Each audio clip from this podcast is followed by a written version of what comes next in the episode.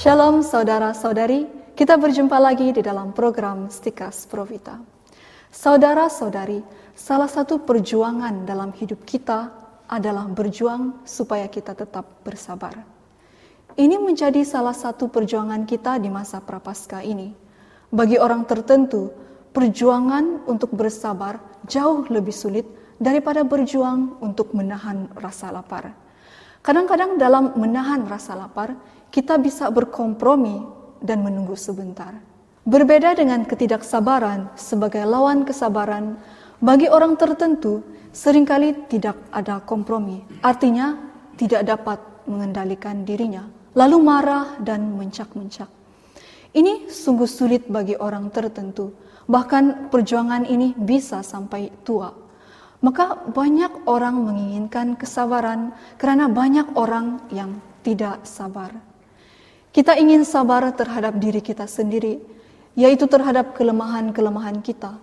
Kita ingin sabar terhadap anak-anak yang mungkin sulit mendengar nasihat kita sebagai orang tua. Kita ingin bersabar terhadap pasangan hidup kita yang mungkin kelakuannya menyebalkan.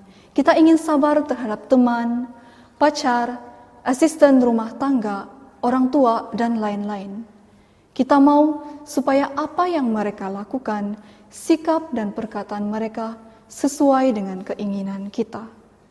Kita menuntut supaya orang lain sesuai dengan keinginan dan standar yang saya tetapkan. Dalam hal ini, diri kita menjadi standar bagi orang lain. Kita menginginkan orang lain sesuai dengan kemauan saya atau terhadap diri sendiri kita mau supaya saya menjadi begitu atau saya mau menjadi begitu. Tetapi di sisi lain, kita tetap punya kelemahan diri dalam mencapai apa yang kita inginkan. Jadi di sini, kemauan, keinginan, dan kehendak kita menjadi patokan. Sementara di sisi lain, orang lain juga memiliki kelemahan dalam memenuhi standar yang kita tetapkan untuk diri kita sendiri maka muncul ketidaksabaran dan hal itu bisa terungkap di dalam kemarahan. Kemarahan sebagai sikap yang merusak pribadi orang lain. Jadi, ketidaksabaran muncul dari tidak terpenuhinya standar yang saya tetapkan bagi diri saya sendiri dan orang lain. Ketidaksabaran terjadi karena kita tidak puas dengan orang lain, entah karena sikap, hasil kerja, ataupun cara berpikir dan hidupnya. Kata orang, orang lebih mudah marah daripada menahan emosi untuk kesabaran. Memang, lawan dari kesabaran adalah kemarahan dan juga keputusasaan. Orang tertentu begitu gampang marah, meledak-ledak jika dia berhadapan dengan situasi yang tidak memuaskan keinginannya. Sebenarnya, ketidaksabaran itu muncul dari kuatnya ego di dalam diri kita. Orang yang tidak sabar adalah orang yang masih berpusat pada diri sendiri. Saat dia menetapkan standar, yaitu kamu harus begitu atau kamu harus begini, sesungguhnya dia masih menjadikan dirinya sebagai pusat di mana orang lain harus memenuhi kepuasannya. Kita mau menyoroti satu hal yang penting di masa prapaskah ini, yaitu kesabaran di dalam penderitaan. Kesabaran di dalam penderitaan lahir ataupun muncul dalam berbagai bentuk, misalnya sakit.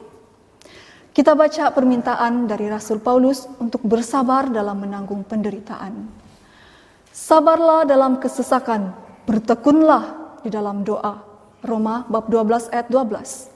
Bersabarlah dalam kesesakan berarti bersabarlah dalam penderitaan yang kita alami. Paulus sendiri sharing kepada umat di Korintus bagaimana dia bersabar.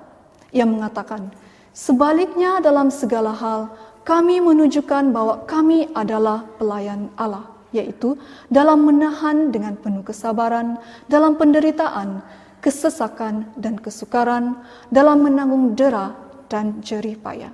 Bandingkan 2 Korintus bab 6 ayat 4 sampai 5. Tentu, bersabar dalam menanggung penderitaan bukanlah semudah seperti membalikkan telapak tangan. Ada perjuangan di sana, tetapi tentu di sana ada juga rahmat.